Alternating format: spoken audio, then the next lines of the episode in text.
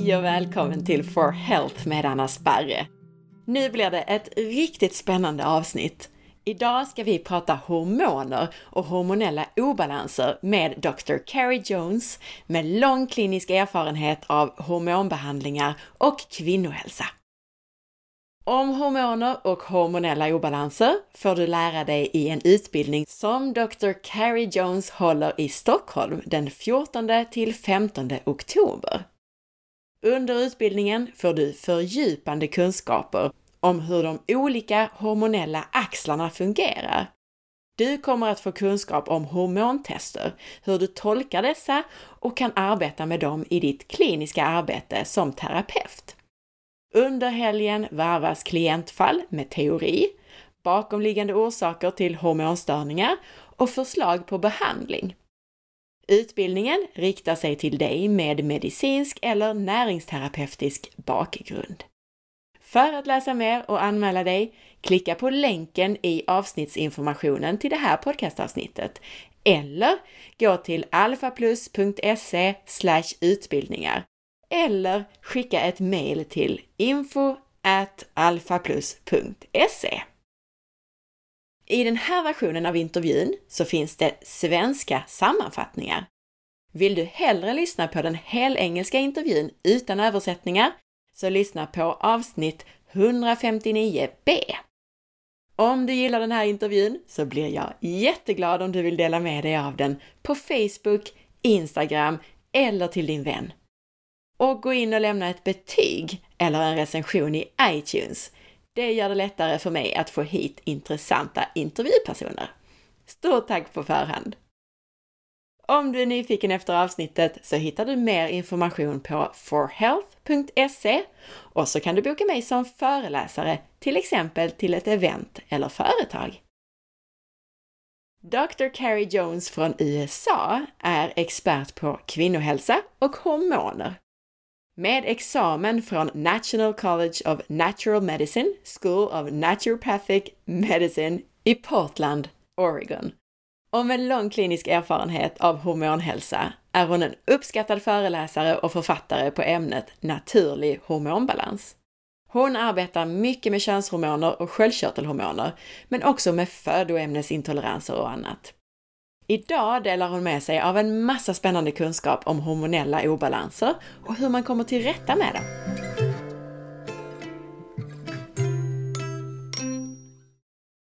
Dr. Carrie Jones, welcome to the show. Thank you so much. I'm excited to be here. Although you are very well known in the States, I'm not sure if the Swedish listeners know who you are. So, um, could you please let us know about yourself and how it comes that you have such an interest in hormones? yes. So um, I am a naturopathic doctor in the United States, in Portland, Oregon. And I got into hormones my, my entire life. I knew I wanted to be a doctor and I knew I wanted to be in women's health. And when I went to medical school, that's what I did. I focused entirely on women's health and hormones. And um, would, would practice that i would see patients who are having all sorts of hormone problems and feeling really off balance and you know trying to get pregnant or trying to lose weight or trying to handle their their menstrual cycles or their menopause and that's entirely what i focused on and now i work for a lab that only does hormone testing which is wonderful so it, it fits um, my ability to help still treat people for hormones and test hormones at the same time so it's been a lot of fun it's been a great journey Carrie Jones är doktor i naturopati, naturmedicin, med fokus på kvinnohälsa och hormoner. Hon arbetar också för ett labb som tillhandahåller tester för hormoner.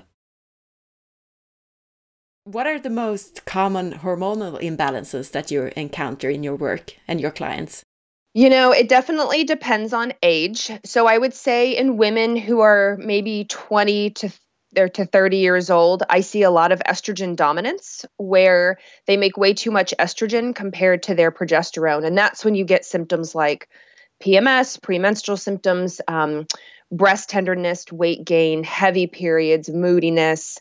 And then on the opposite, when women are older and going through menopause, they seem to experience a loss of estrogen and a loss of progesterone. And now they're having hot flashes, and night sweats and they can't sleep and their anxiety has gone up. And then on top of that as they get older, their their sex drive goes down. They're they're losing their sex drive hormones. And so it's really not fair at either age. we can't win. But why is that? Why do people get these hormonal imbalances? So, for example, why do you get uh, estrogen dominance? That's a great question. And it, it, definitely can be genetic, and a lot of it can be lifestyle. A lot of it can be the diet people eat, um, if they're not sleeping very well, if they're really stressed out. Um, some people have conditions, um, such, as, such as polycystic ovary syndrome, where they just don't make normal levels of hormones. Their ovaries just are not um, doing a very good job at making progesterone and they're not able to ovulate and as a result they make so much estrogen. So in, in menopause it's the same thing and women go through menopause. If they've had a very stressful life um, if they have not been eating very healthy if they are not sleeping very well then they tend to have a much harder menopause they tend to have much worse hot flashes and night sweats much more weight gain um, worse anxiety compared to other women who maybe eat really healthy, um, avoid sugar, and you know get good sleep and drink a lot of water and exercise and things like that. So definitely lifestyle plays a huge factor.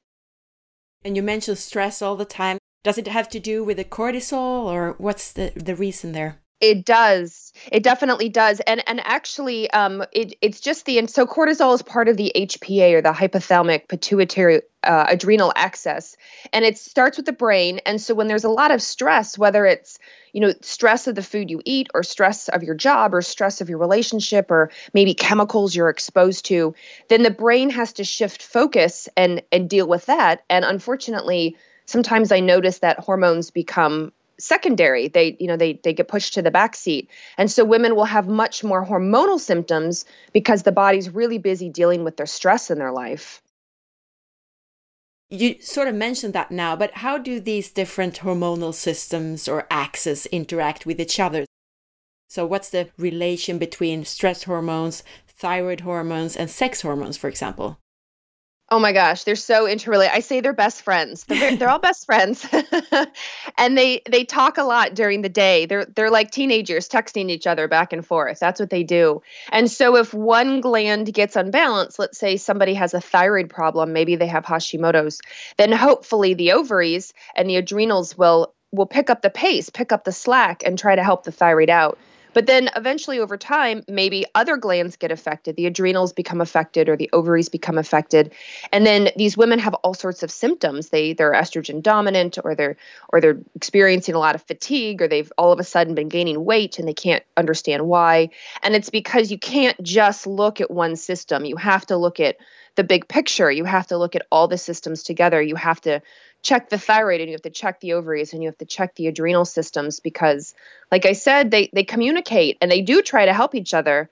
But um, over time if somebody's been struggling for a long time many years then that axis may start to f- to fail to falter. And now they're getting low hormones or a lot of symptoms and it's causing them a lot of problems. And they end up in their doctor's office saying help me. Fix this. Yeah, give me a pill. Give me a pill. Exactly exactly. And unfortunately as you as you know a lot of a lot of um, healthcare practitioners they just look at one thing. They just say oh that sounds like thyroid. We'll just look at thyroid. And then they forget about the adrenal you know system and they forget about the ovary system. And they think it's very independent when it's not. Like i said they're they're very much best friends and you have to look at them as a whole and as you mentioned stress before as a as a cause for a lot of this, when you're stressed or actually exhausted even, is it like the HPA axis is communicating, for example, to the thyroid and saying, hey, slow down, we need to have a break? Exactly. Exactly. And and that's what happens, right? People will have a lot of stress, their HPA axis will slow down, and then as a result, their thyroid axis will start to th- slow down, and maybe as a result, they'll start to have female symptoms also. Their PMS will get worse, their periods will get heavy, their maybe their hot flashes get worse. And it's a survival mechanism. It's the body trying to tell us that we need to stop and to rest and to heal. And of course, unfortunately, as humans, we never do. we just keep pushing and we add more stress and we don't take care of ourselves. And, and then things just go lower and lower. Um, and it becomes a problem, it becomes a big problem. Carries, egna klienters hormonella obalanser beror på deras ålder. Men hos yngre kvinnor så är det vanligt med östrogendominans, som bland annat yttrar sig som PMS, irritation och ömma bröst. Hos äldre kvinnor så är det sjunkande hormoner i klimakteriet som är vanligt, vilket ger vallningar, sömnproblem, oro med mera. Anledningarna bakom hormonbesvär är en kombination av genetik och livsstil. När det gäller livsstilsfaktorer så ger till exempel stress och dålig kost mer klimakteriebesvär. Stress är ett särskilt stort problem eftersom kroppen då prioriterar bort annat, bland annat den normala hormonella balansen. Och det här är en överlevnadsmekanism. Våra olika hormoner och hormonella system kommunicerar hela tiden med varandra, till exempel stress, sköldkörtel och könshormoner. Så problem i ett hormonsystem ger besvär även i andra. We will be focusing a lot on measuring hormones today. Hormone yeah. testing, yeah. Why is it important to test your hormones? I always say, you know, there are some practitioners who don't believe in testing, but I don't like to treat blindly. I like to treat I, I like to know exactly where my patient's hormones are, whether it's their thyroid, their adrenal, their female hormones. So I have a baseline. And then as I'm working with them, I have a comparison in the future. I want to know how low is low, or how high is high, or which direction in a pathway are they headed or not headed, or maybe where they're being blocked. So I find that testing just gives me a lot more information. So I'm not guessing, like, oh, your symptoms sound like thyroid. I'm just going to support you with thyroid. When really it might not be thyroid. Really, it might be the HPA axis, the adrenal axis. Maybe it's the ovarian axis. Maybe it's something else completely. Maybe it's, you know, brain neurotransmitters. And so that's why I am a big believer in um, getting the whole picture and, and testing. What are the differences between measuring hormones in blood, saliva, and urine? There's a there is a lot of similarity actually and a lot and a lot of differences. It really depends what you're looking for and it's just the the route you choose is just looking at different aspects of the you know the male or the female body so blood as you know you go in and you if you're afraid of needles you, blood may not be the right one for you because you have to get your blood drawn and blood tells you what's circulating in your blood system right at that moment now on the one hand that can be really good for some hormones but on the other hand some hormones like cortisol blood can't tell you free cortisol. It tells you a combination of free cortisol and what's called bound cortisol. Um, so you just get this sort of general cortisol view, but not the big picture. And then saliva is a really easy. You know, it's great for people. They spit in a tube um, and they do it a couple times during the day. And so saliva gives you all your hormones. It tells you what's circulating. It tells you what your free cortisol is, but it doesn't tell you some of the total levels. It doesn't tell you like um, total cortisol. And saliva and blood can't tell you um, metabolites, which I, I know we'll talk about later, which tells you which like which pathway is your body going down, which pathway is estrogen going down, which pathway is testosterone going down, and then urine, of course, is you know easy. You just urinate on a strip of paper um, a couple times during the day, very similar to saliva. You do it a couple times in the day, and you do get your you get your hormones and you get your your free cortisol just like you do with saliva, um, but because it's urine, which means it's processed by the liver then you also get your metabolites. So now you can look and see how much estrogen am I making and then which direction is it going? Is it going the cancer pathway? Is it going down, you know, the healthy pathway? And same for testosterone. Like, is my testosterone going down the pathway that makes acne or is it going down you know the the less androgenic pathway as we call it the one that's probably not going to cause acne? And so and then of course you know depending what you're looking for thyroid is a great example. You can't look at thyroid in saliva or urine. Thyroid is only done in the blood or certain um, binding globulins. We talk about sex hormone binding globulin and thyroid binding globulin. Those can only be done in blood. So it's definitely, you know, what you're looking for and, you know, who is in front of you will help you decide do you use blood, do you use saliva, or do you use urine? Because there's there's enough of a difference between them that um, there's not a one size fits all, unfortunately. So, in your practice and patients, do you combine these or what do you use? I do. I combine um, a lot. I do blood for thyroid and, um, you know, nutrient markers as iron, um, red blood cells, white blood cells, things like that. And then I do the dried urine testing for hormones and for cortisol. And then um, now, and well, very soon, um, I will start doing, depending on the patient, it's called a cortisol awakening response, and that's done in saliva. So it's a combination of a urine and salivary test, and it looks a lot deeper at the HPA axis. Um, it's not quite available yet, but it will be in the next couple months. And so I'll start adding that in for my tough cases who are really struggling with fatigue, you know, chronic fatigue, um, fibromyalgia, things like that. Is it important to to do that? Because you mentioned iron, for example. Is it important to combine a hormone test with like a nutritional test or functional test that way? I do. Yeah, I definitely do because I find that just in the world so many people are so depleted, you know, that our our food that we eat is just not full of nutrients like it used to be and we're exposed to so many chemicals and the chemicals um, you know, can push nutrients out of the way when you're trying to digest them and absorb them. And so I find if like for example, if somebody says I'm really tired and I'm losing hair, well, it could be thyroid, it could be cortisol, it could be iron. And if i don't if i'm not if i don't test then i won't know. I'm if i might say oh that sounds a lot like thyroid. Let's treat your thyroid. And really the whole time they've been low on iron and i've been going down the wrong route. So i do like to combine the functional testing again so i know specifically how i can help address that patient right in front of me. So the urine test that you're using for hormonal testing is that the dutch test it is the Dutch test. I use the Dutch test, which is really funny when talking to people in other countries because they say, "Oh, are you testing for for Dutch heritage?" I'm like, "No, no, actually, us silly Americans, no. Dutch. It's, it's an acronym. It stands for Dried Urine Test for Comprehensive Hormones. So D U T C H." It's only an acronym, nothing to do with Dutch. In fact, the owner's not even Dutch, so it's very funny. So yeah, I do the Dutch test. So give us an example of when the Dutch test can be helpful. Yeah, absolutely. Um, well, first of all, I love it because it's not a blood draw and you don't have to spit in a tube. So if I have a patient who's afraid of needles, or I have a patient maybe who has a condition where they cannot produce enough saliva. Um, everybody everybody can urinate everybody can pee on a strip of paper. And so it's the collection is super convenient.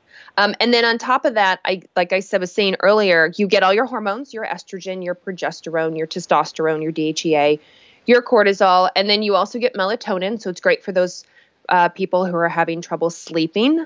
Um, and then you also get what's called metabolites. So I get that's just a fancy word for which direction are my hormones going.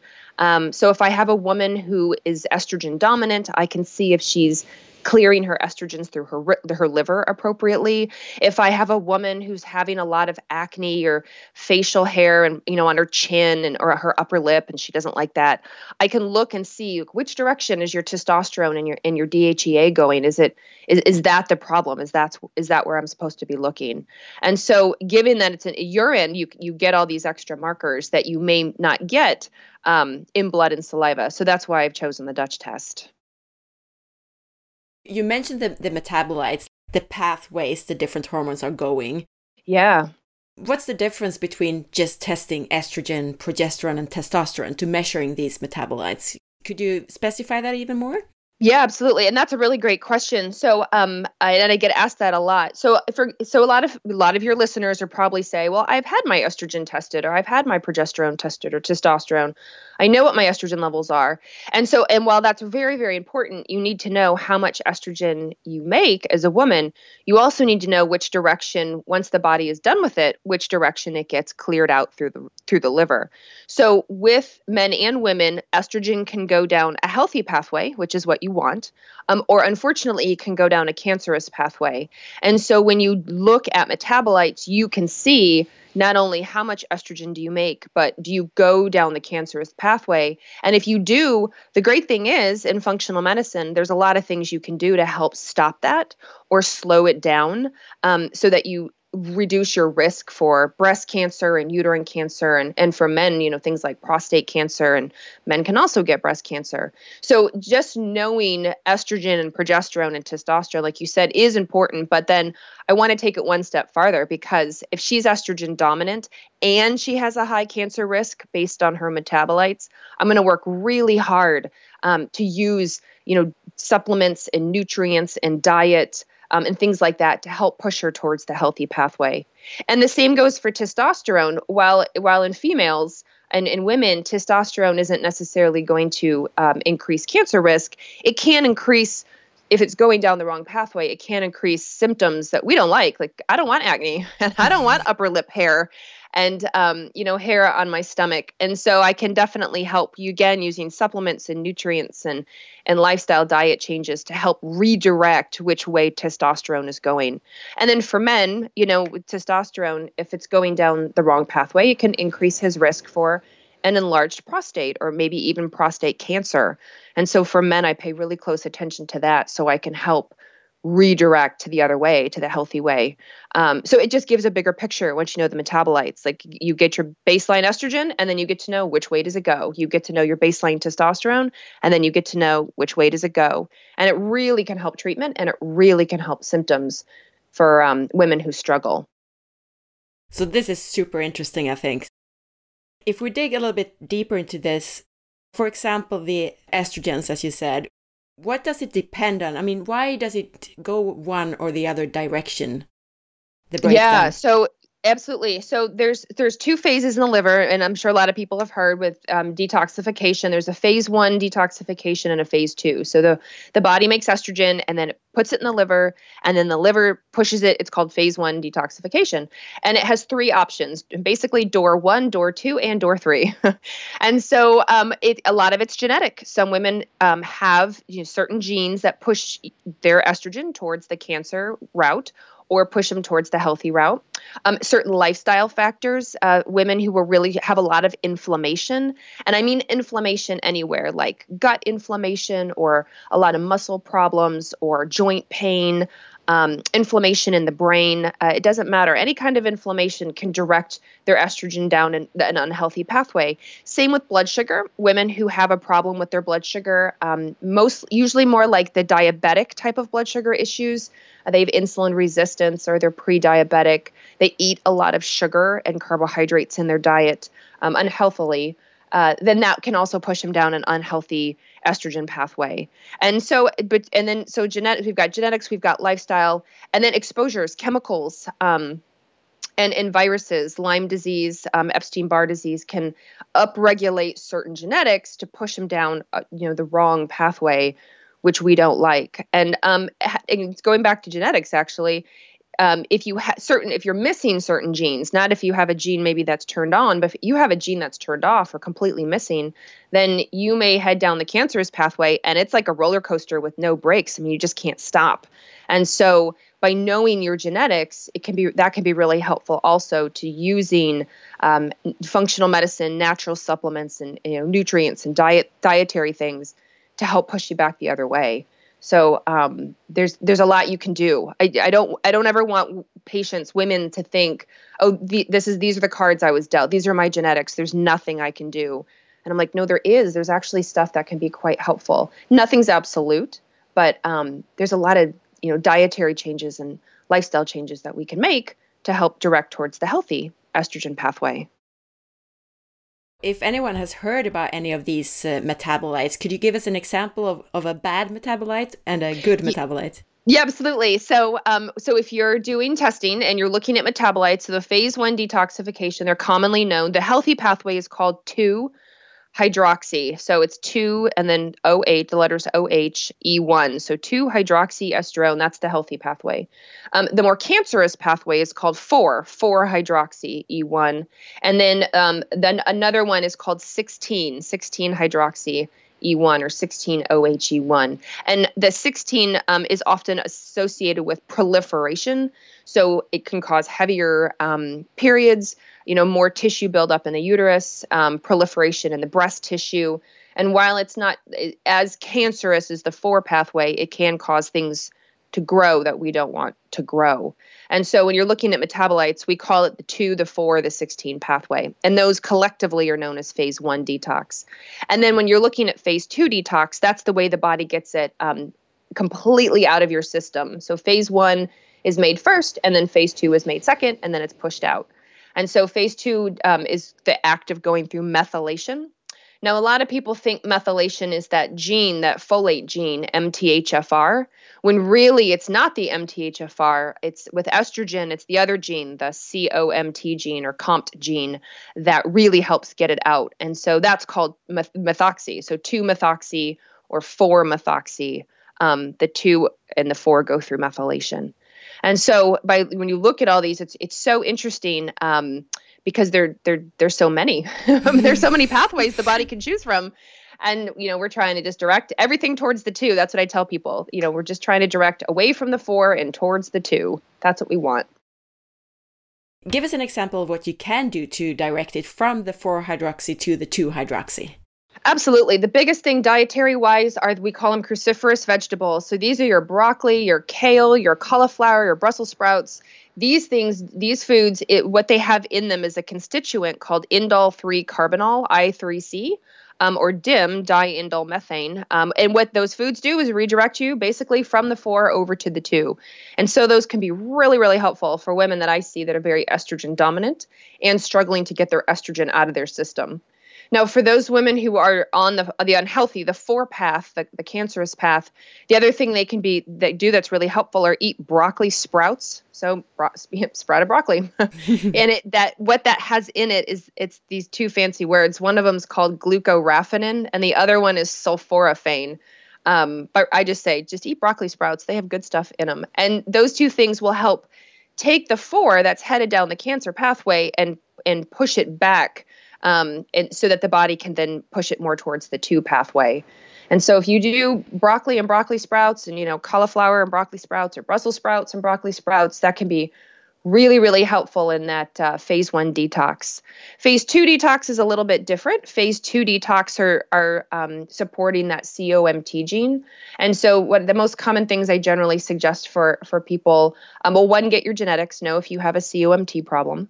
Um, but two, things like magnesium, you know, like really easy stuff. They, you know, eating foods with magnesium um, can be helpful. Taking magnesium, certain B vitamins like vitamin B6, the active form of Vitamin B6 is called P5P.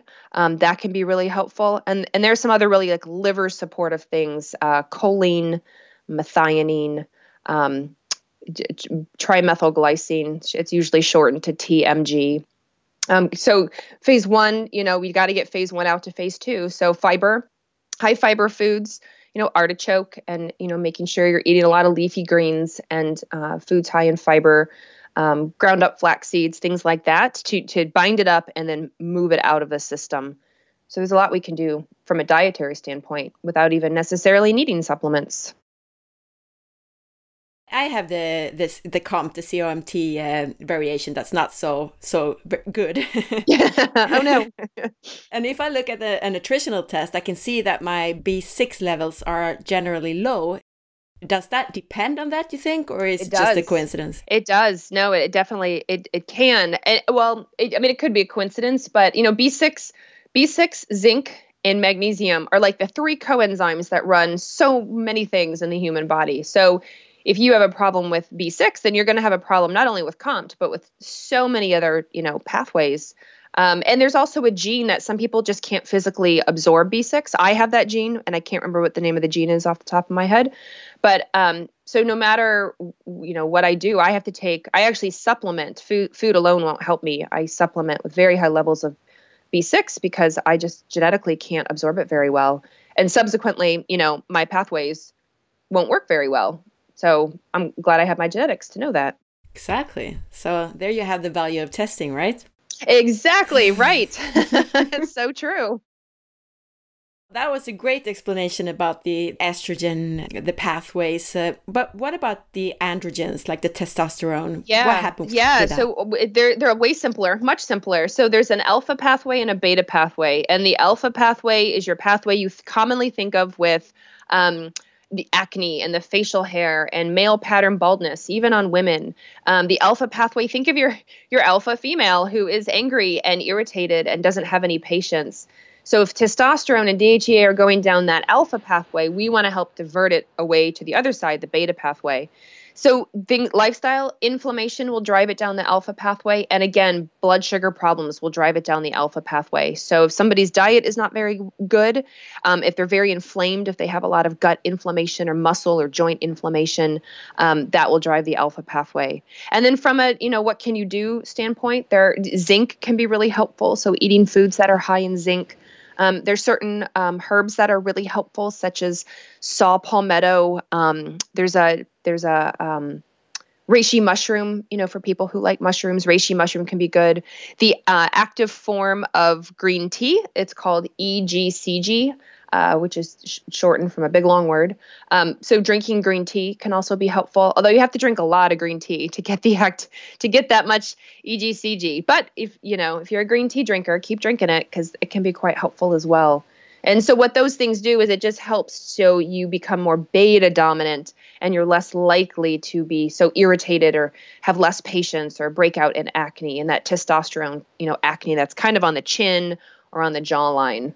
Um, and then cleaning up your diet, you know, getting rid of sugar and uh, eating healthy and lots of fiber and healthy fats, and then reducing inflammation, all will help change the testosterone and the DHEA that are going down the alpha pathway, which we don't necessarily want.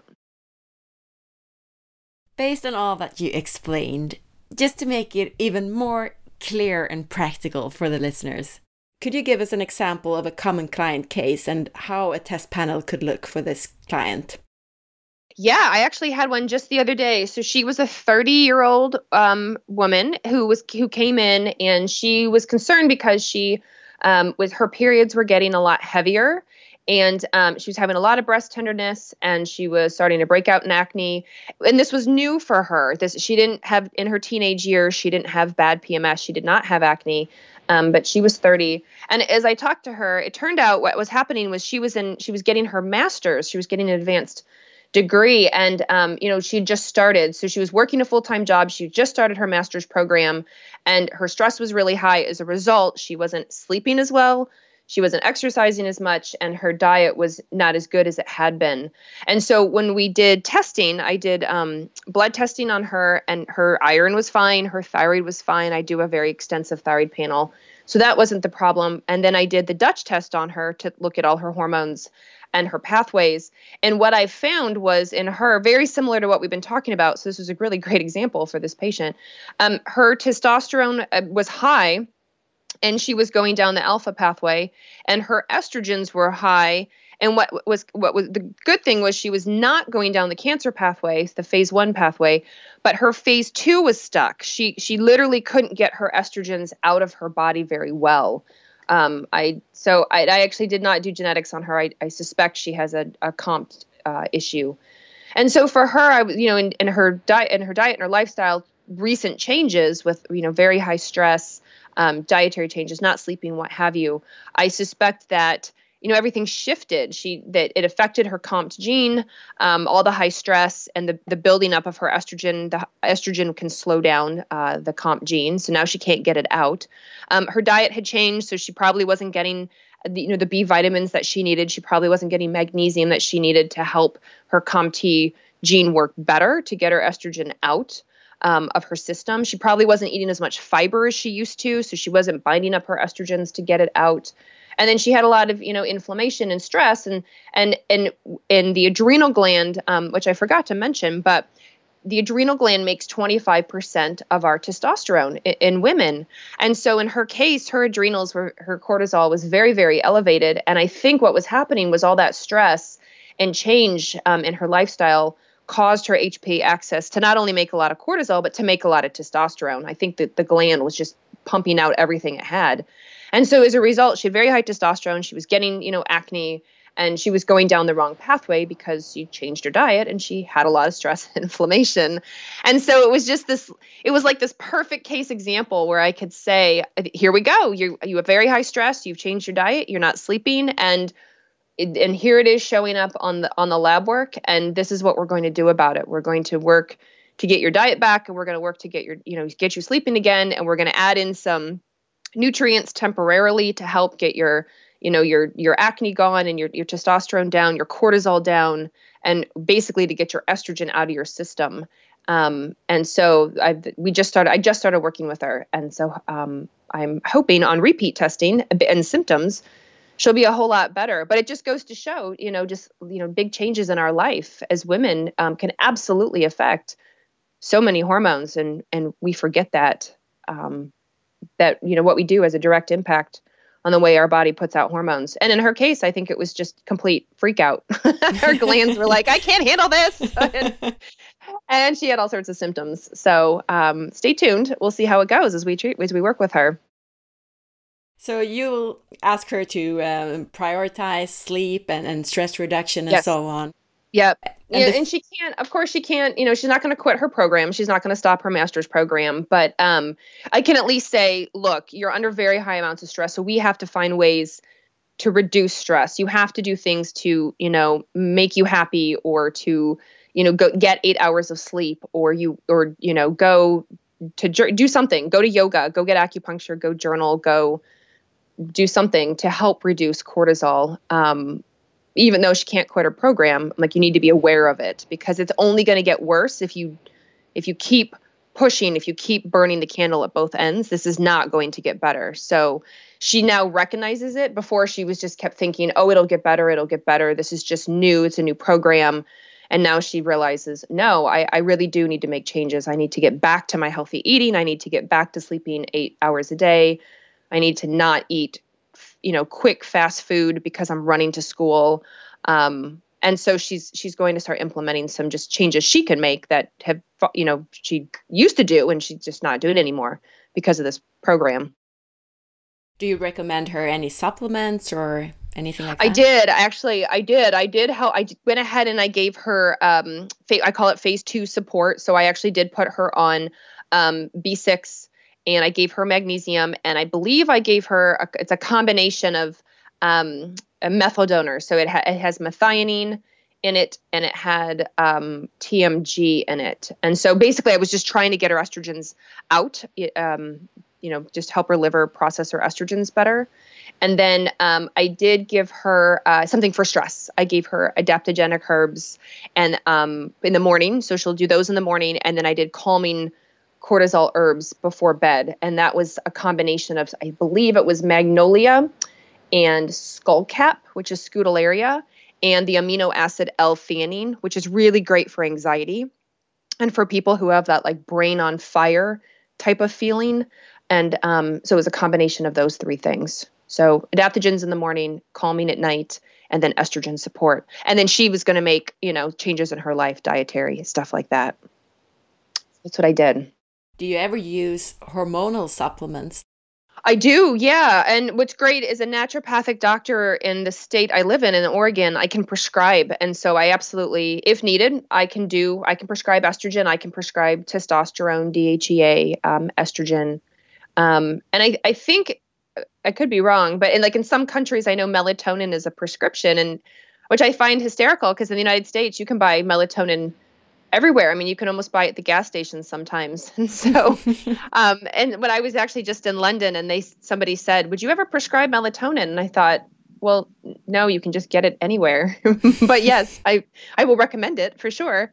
Um, and in her case, I don't think she needed hormones. Um, if she was struggling with, pro- I, I, if she was struggling with progesterone, or if maybe her um, goals were different, if her if her goals instead were maybe to become pregnant, I may have put her on progesterone, but her goal was just to uh, reduce all the estrogen dominant symptoms she was having and some of the testosterone symptoms and get her stress under control. And I didn't I didn't think she needed hormones, um, but yes, I will prescribe them as needed.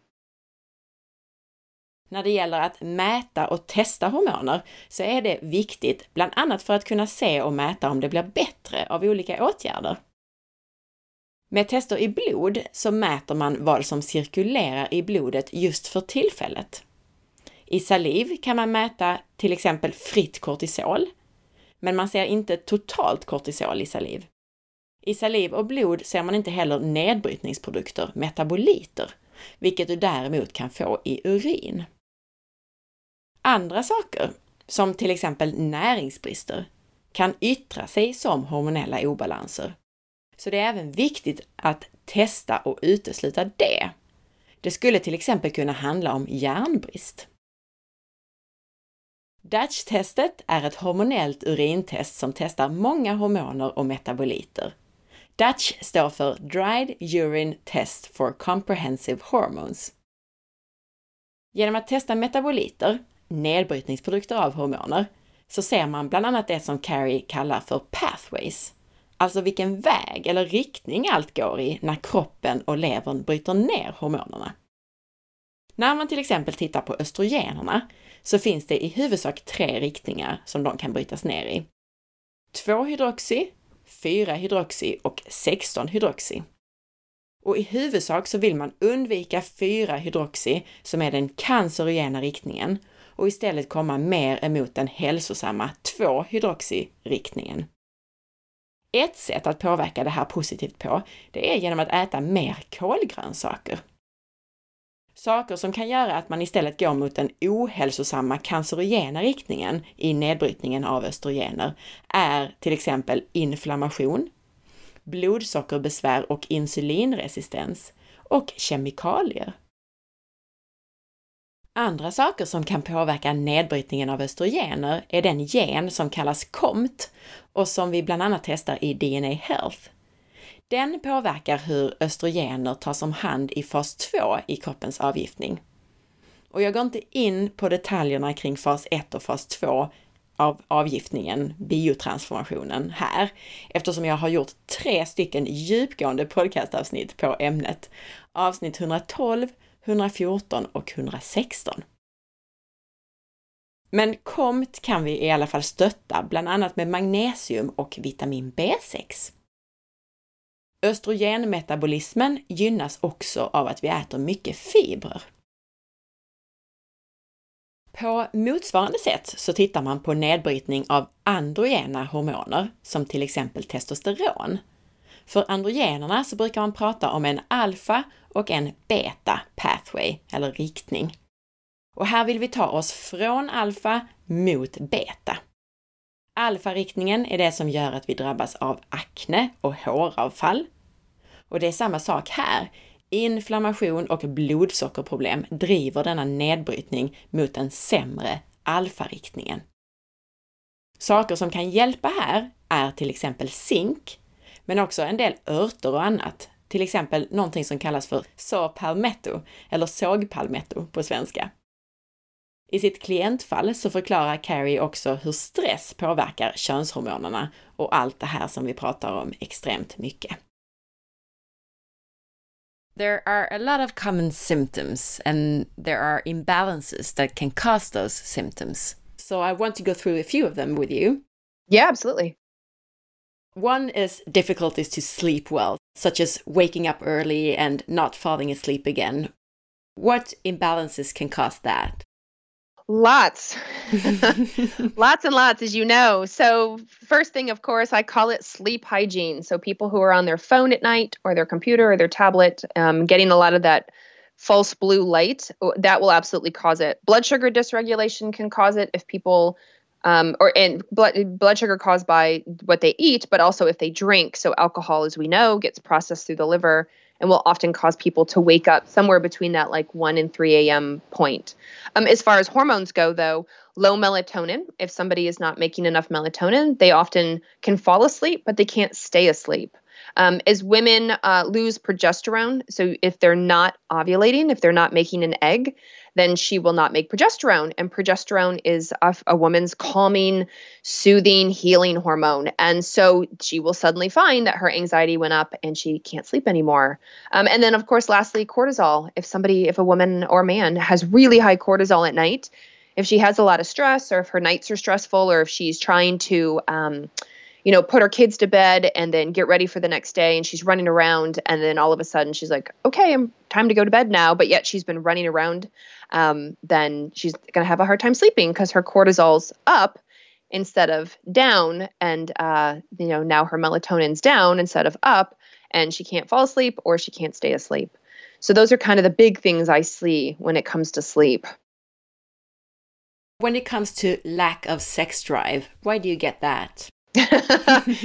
this is so common. Oh my gosh, I feel like I hear this all the time. And now I'm going to assume the person likes their partner and likes sex because it's amazing the number of women I've asked, you know, when they say, I don't have a sex drive, I'll go, well, do you still, you know, if they're married, I'll say, do you still like your husband? And they're like, uh, well, like, I can't help with that. That's different. so if we we and if we assume sex is not painful, of course, if sex is painful, then they don't want to have sex. So if we assume that's all normal, like they they'd like to have sex, they like their partner, sex is not painful. Um, the number one thing I see with women is stress. Um, unfortunately, unlike men, with women, it takes us longer to get in the mood and to be able to stop and shut down what we're doing elsewhere to stop and have sex. And so the more stress we're under, the more we have going on in our life, the more we are juggling, the less likely it is for us to automatically be ready for sex. And so that cortisol. So if your cortisol is high or if your cortisol is low, it can absolutely affect sex drive. Um, the other hormones, obviously, testosterone and DHEA, your androgens. So if you have low levels of testosterone and DHEA, then your sex drive is going to be a lot lower.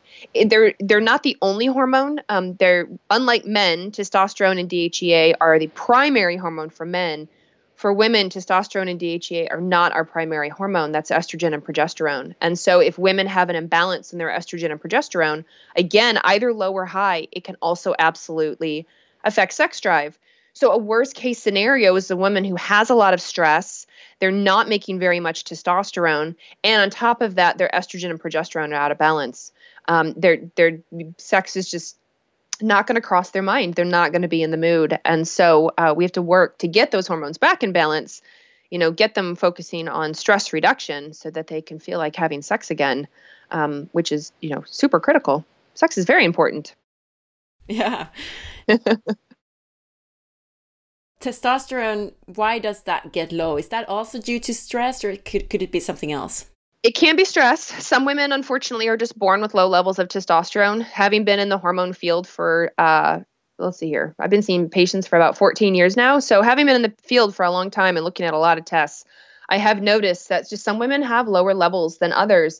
And and what happens is it depends over time with age as testosterone drops how quickly it drops. So a woman who has very high levels and only drops a little bit may not notice it, but a woman who has very low levels to begin with, she was born that way, and it drops a little bit. She may she may notice it a lot. She may feel um, that she her once lower sex drive is now completely gone. So, um, you know, so you could be born with low levels. Stress absolutely can get um, suppressed testosterone. Not so much much uh, suppressed testosterone, but I will see with stress as testosterone is not a critical hormone for survival, so to speak. I will say that I will see low testosterone levels because it the body diverts away from testosterone. It will divert to other hormones like DHEA or estrogen instead of testosterone in times of stress um, because the, the body's like, why would I stop and have sex when we are so busy running from the tiger? When we're stressed out and dealing with these other things, I don't I don't want to have sex. Um, and it's not a very fair survival mechanism that the female body has because men don't really have that, um, but it does happen. Um, nutrient deficiencies, zinc and iron and uh, B3, vitamin B3, make testosterone. And so women who are iron deficient or zinc deficient um, will have lower levels of testosterone. And so, going back to way the, the beginning of our conversation, when you asked about functional nutrient testing, it's very important because if you don't have those nutrients and sex drive is a big concern, then you're not going to make testosterone. So, when you see a woman with low testosterone, it's reducing stress, that's the main thing, but also supporting with these nutrients. Absolutely. Yeah, and and age. Unfortunately, you know, it's a terrible design flaw. As women get older, we are naturally designed to have lower levels of testosterone, and um, it's not fair. no, it's not fair. But it can be in an exercise. You know, we can do things to help build testosterone. You know, back. Uh, not cardio, but weightlifting, weightlifting, and um, HIIT training, high intensity training, can be real helpful when you build lean muscle you can increase testosterone. And so I tell women if you've been doing cardio your, your whole life, if you've been running or walking or on the elliptical and that's all you do, it's time to start weightlifting and that can help immensely. Low energy and no stamina. Why yeah. is that? The hormonal it, imbalances. And we hear that a lot, don't we? So yeah. the big ones again, I would say cortisol and then back to the androgens. Um, cortisol issues and low androgens, low testosterone, low DHEA. Androgens do help with sex drive. They also help with lean muscle building and they help with motivation. And so if you um, just don't feel like you know if you have no stamina if you don't really want to do things anymore i look i look there now on top of hormones you know i also look at thyroid hormone thyroid can have a lot to do with energy and stamina and then brain hormones people forget about brain hormones but dopamine in the brain is our it's that's our you know our reward hormone it's our um, it's our motivation hormone to to keep going and to do things and so if we don't test that on the Dutch test, but I tell people, you know, don't forget about the brain stuff and don't forget about the thyroid. Um, a lot can go into energy and stamina. It could also be infection. We you know we hear about Lyme disease and um, viruses such as Epstein Barr and cytomegalovirus. And so I ask about history and exposures um, because it could be hormone, but it could also be some of these other things that people can become infected with. Fatigue is a lot. It could be a lot of things. I feel like fatigue is the number one symptom for just about everything. yeah, I agree. I agree. Unfortunately. but looking at hormones helps. Looking at cortisol helps, you know, first and foremost, and then go from there. If someone comes to you and they've gained a lot of weight and they can't stop gaining weight and they still eat the same as they did before, what can be the problem there?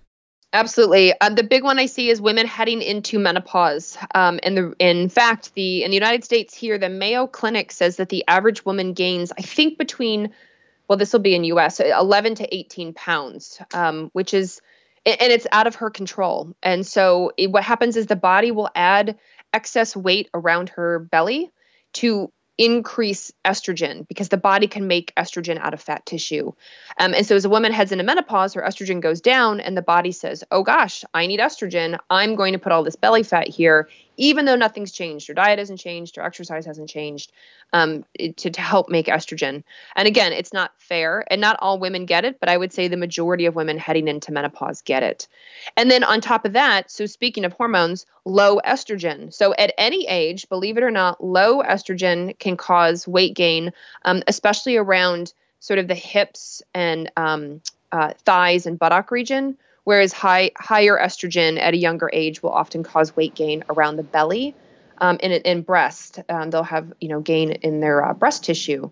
So high or low estrogen, you can't win, unfortunately. Um, testosterone, loss of androgens. You know, if you're losing lean muscle mass, you're going to get more fat tissue. So if you lost testosterone, lost DHEA, um, then you'll get this weight gain. High cortisol. We cortisol is a super we super common one. We hear this all the time. You know, women and men gain they get under a lot of stress and um, they gain some weight around the middle. Cortisol um, can be made in the fat tissue. There's an enzyme that does that called 11 beta hsd and again it's not fair but it can happen. And then of course thyroid. If somebody has a thyroid problem um, that can definitely lead to rapid weight gain when exercise and diet hasn't changed. So it, there's there's a, a lot of things unfortunately that can cause weight gain so we keep coming back to stress all the time. And you mentioned before that you get worse menopause issues with stress. Yes. If you had stress earlier in life, but before menopause you change your lifestyle and you get all relaxed and, and you do everything right, can you then avoid the menopause issues or does it more have to do with what you did the whole life before? The rest of your yeah. life. Um, I would like to think that if you made a lot of changes prior to menopause, it can be quite helpful. Um, for some women, it absolutely is. And for other women, unfortunately, it's too late. They still head into menopause and they have a lot of symptoms. Um, so, and I don't know how to predict that either. I don't know who, how to predict who's going to have a tough menopause and who's going to have an easy menopause, uh, unfortunately. But I do see, I do hear women in menopause, they're doing really well. And then they get a lot of stress. And so they'll call me and say, I had a lot of stress this weekend for whatever reason, and on Monday, you know, my hot flashes and night sweats are now really bad. And so instead of uh, instead of treating their estrogen and progesterone, I'll actually treat their stress. I'll I'll say, okay, let's focus on adrenal health. Let's focus on HPA health and do um, herbs that are good for the adrenals and work on the stress. And and usually, eventually, they'll balance back out. Their their hot flashes and night sweats will go away or get become a whole lot less. So um, that's what I do. With the other cases we, we discussed, you mentioned ways to, to change it and to affect your hormonal imbalances and make them better. But when it comes to menopause, apart from reducing stress, is there anything you could do with food and supplements and stuff like that? Yeah, absolutely. There are a lot of um, there are a lot of supplements, a lot of herbs that are really the we call them sort of phytoestrogen, you know, like herb-based estrogens. And so the common ones we hear about all the time are like black cohosh, um, red clover, um, there maca, which as which is M A C A. Um, we hear of you know there's the the soy there's ingredients in soy i'm not the biggest fan of soy i'll be honest but i know that some women will you know add some soy into their diet and it can help quite a bit um, but just make sure that it's fermented soy not don't go run out and buy soy protein powders and stuff. That I'm not a fan of that personally. Um, and so then on the flip side too, if a woman's heading into menopause, um, for progesterone support, sometimes I will use progesterone with them, but sometimes there's another herb that I will use. It's called chaste tree berry, and that can be helpful for supporting progesterone um, as she's heading into menopause. Um, dietary, yeah, absolutely. I I find a lot of women say when I head into menopause, I can't drink alcohol like I used to. I can't I can't drink wine. It makes my hot flashes worse. And so I will work with them on liver. I'll do liver support, suggest liver foods. You know, our uh, onions and garlic and, and artichoke and and increasing their fiber. Um, and then unfortunately, i will say, you know, well, temporarily you have to cut out your wine, cut out your alcohol. Um, and usually, most women get the ability back once they go through menopause. They say, okay, I can have a glass of wine again and it doesn't affect my hot flashes. I'm not saying wine is the healthiest thing in the whole world, but of course, you know, a, a good glass of wine is nice every once in a while. If it gives you hot flashes and night sweats, though, then it's not helpful. So uh, I'll focus on liver health and suggest they stop their alcohol temporarily. So that's what I do. I'll usually use a lot of the um, a lot of the herbs. There's also an Indian herb. It's called shatavari. It's an, an Ayurvedic herb, and um, that works really, really well for women with estrogen is- low estrogen issues, um, and actually low testosterone. It can be helpful for testosterone as well. Um, sometimes I'll use DHEA. I can prescribe DHEA. Uh, that's actually over the counter here uh, in the states. So there's a lot. There's a lot you can do menopausally without without having to do hormones. You know, actual estrogen or progesterone or testosterone. But do you usually do that too? I mean, use pro- uh-huh. progesterone or estrogen in menopause? Oh, it depends. Women? It depends on the person for sure. I mean, if she's, so I have a lot of patients that say, I don't want to do hormones. I don't like the risk.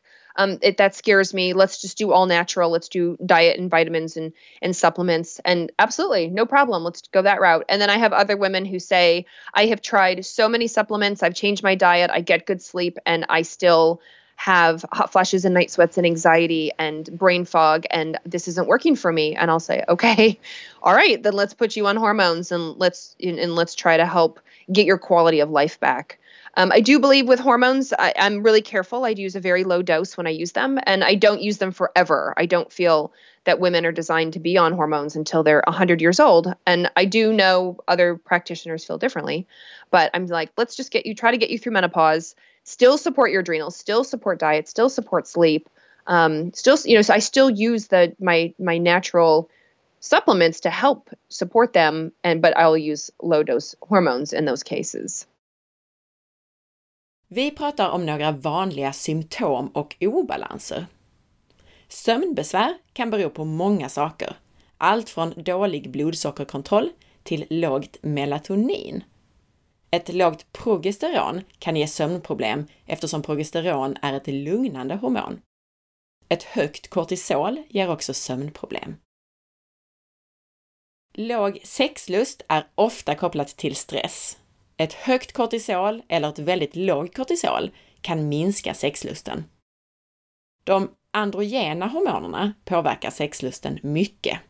Ett lågt testosteron och DHEA ger minskad sexlust.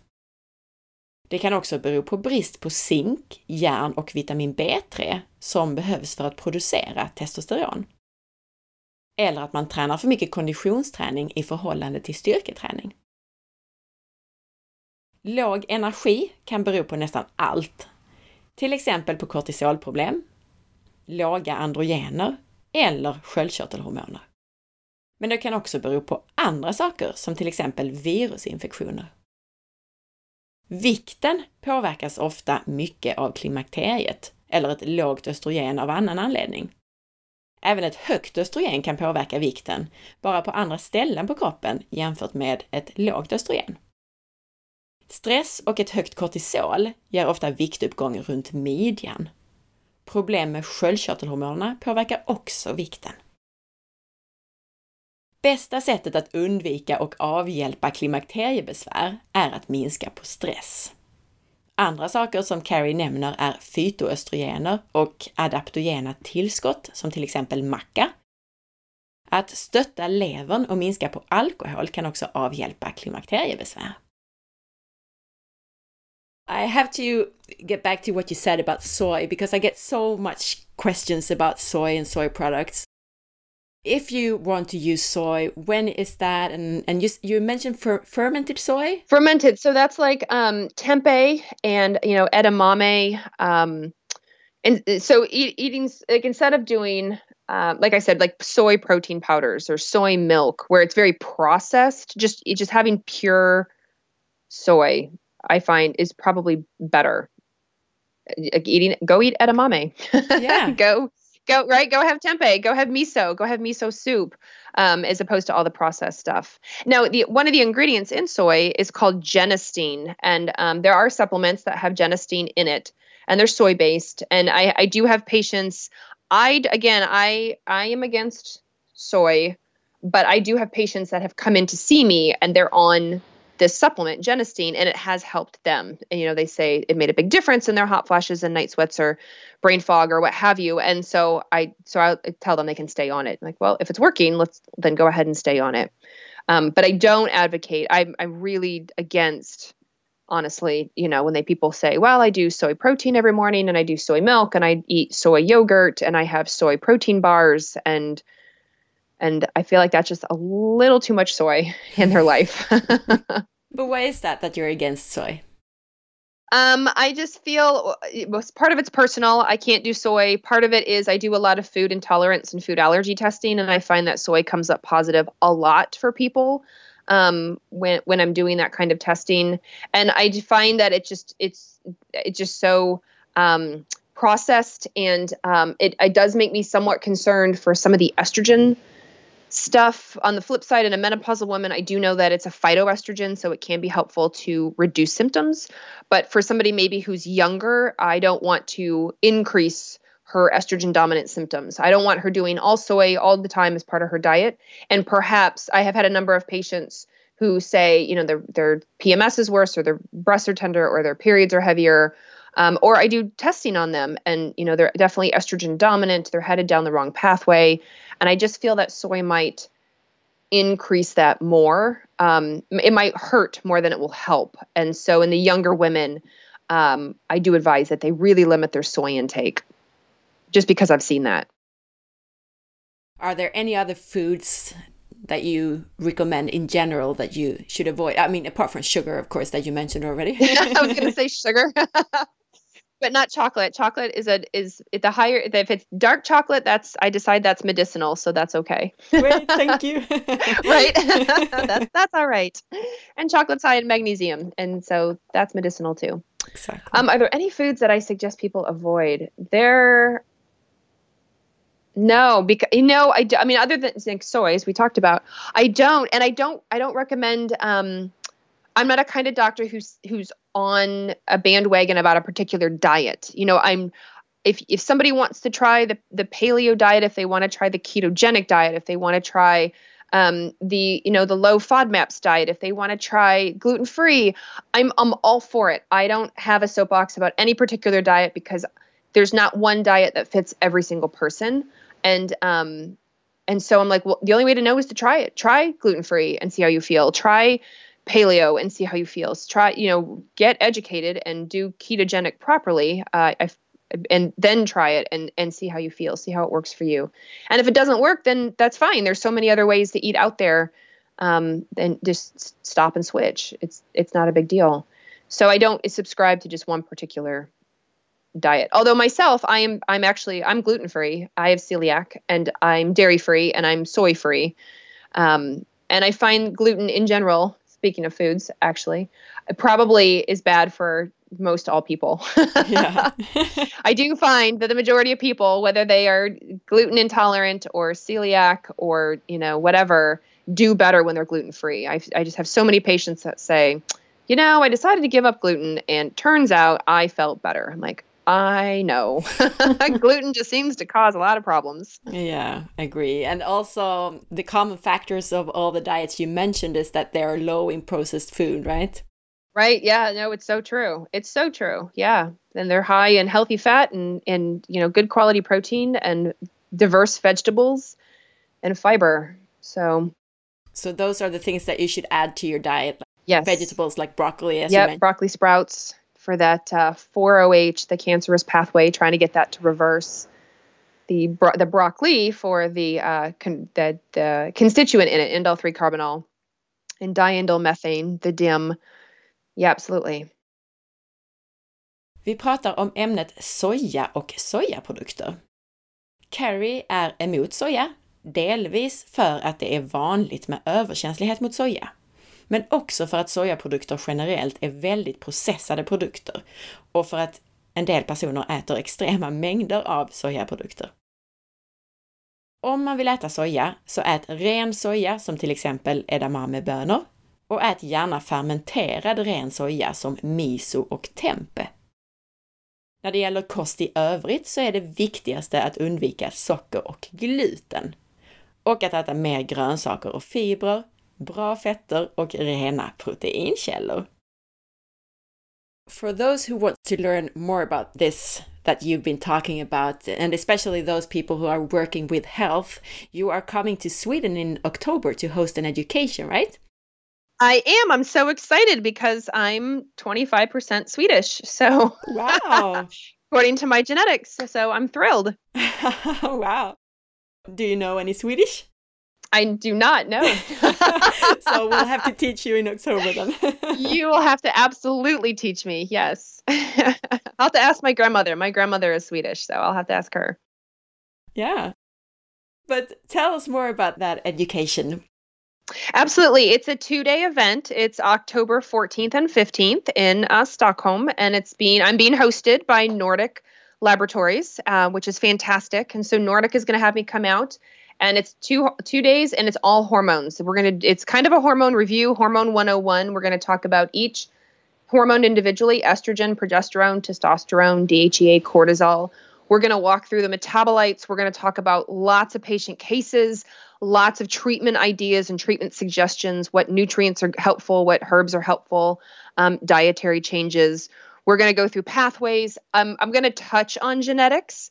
Um, I know that Nordic does a lot, you know, of with genetics with DNA Life. So I'm just going to touch on genetics when it relates to things like um, estrogen in particular and clearing out estrogen pathways. So it's going to be full of information, two days on, you know, lots of hormone, hormone 101, hormone 102, just to get people a really great baseline to go back and um, work with their clients and work with their patients.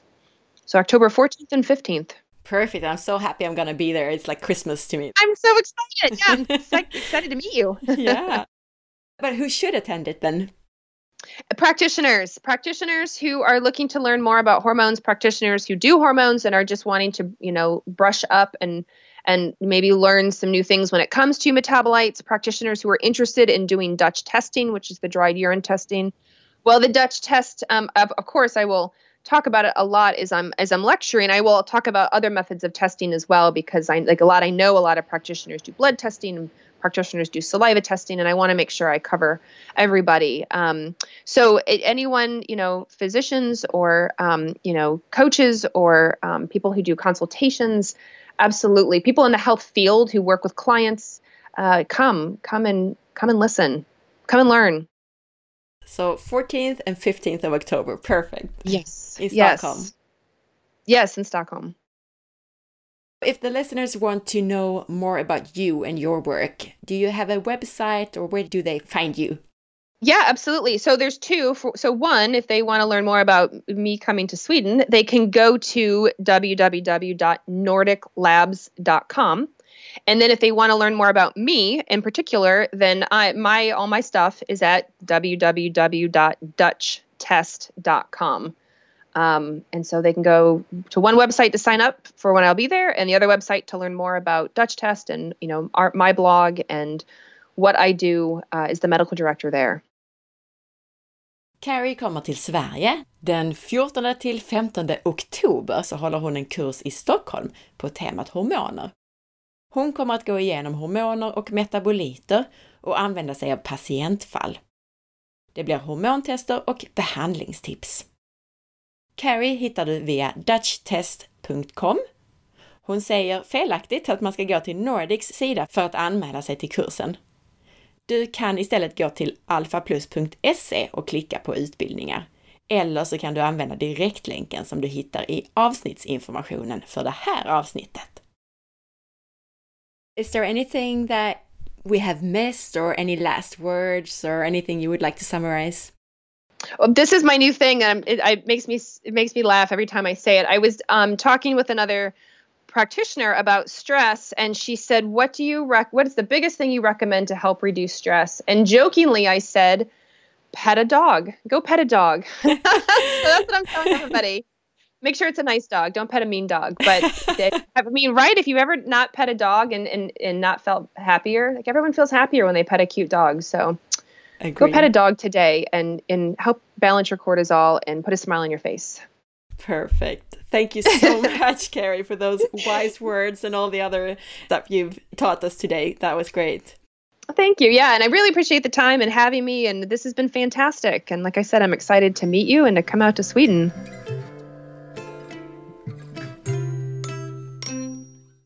Tack för att du lyssnade. Jag hoppas att du gillade den här intervjun lika mycket som jag. Gjorde du det, så dela med dig av avsnittet. Dela på Facebook, tipsa en vän och sprid så att fler får ta del av den här spännande och viktiga informationen om hur kroppen fungerar. Jag blir också jätteglad om du vill lämna en recension i iTunes eftersom det hjälper andra lyssnare att hitta hit. Följ med på facebook.com forhealth.se där du kan hitta avsnittsinformationen till det här avsnittet som du kan dela och där du varje dag hittar länkar till nya hälsotips och annat. Följ också mig på Instagram via signaturen asparre och titta in på bloggen på forhealth.se. Ha en fantastisk dag så hörs vi snart igen. Hej då!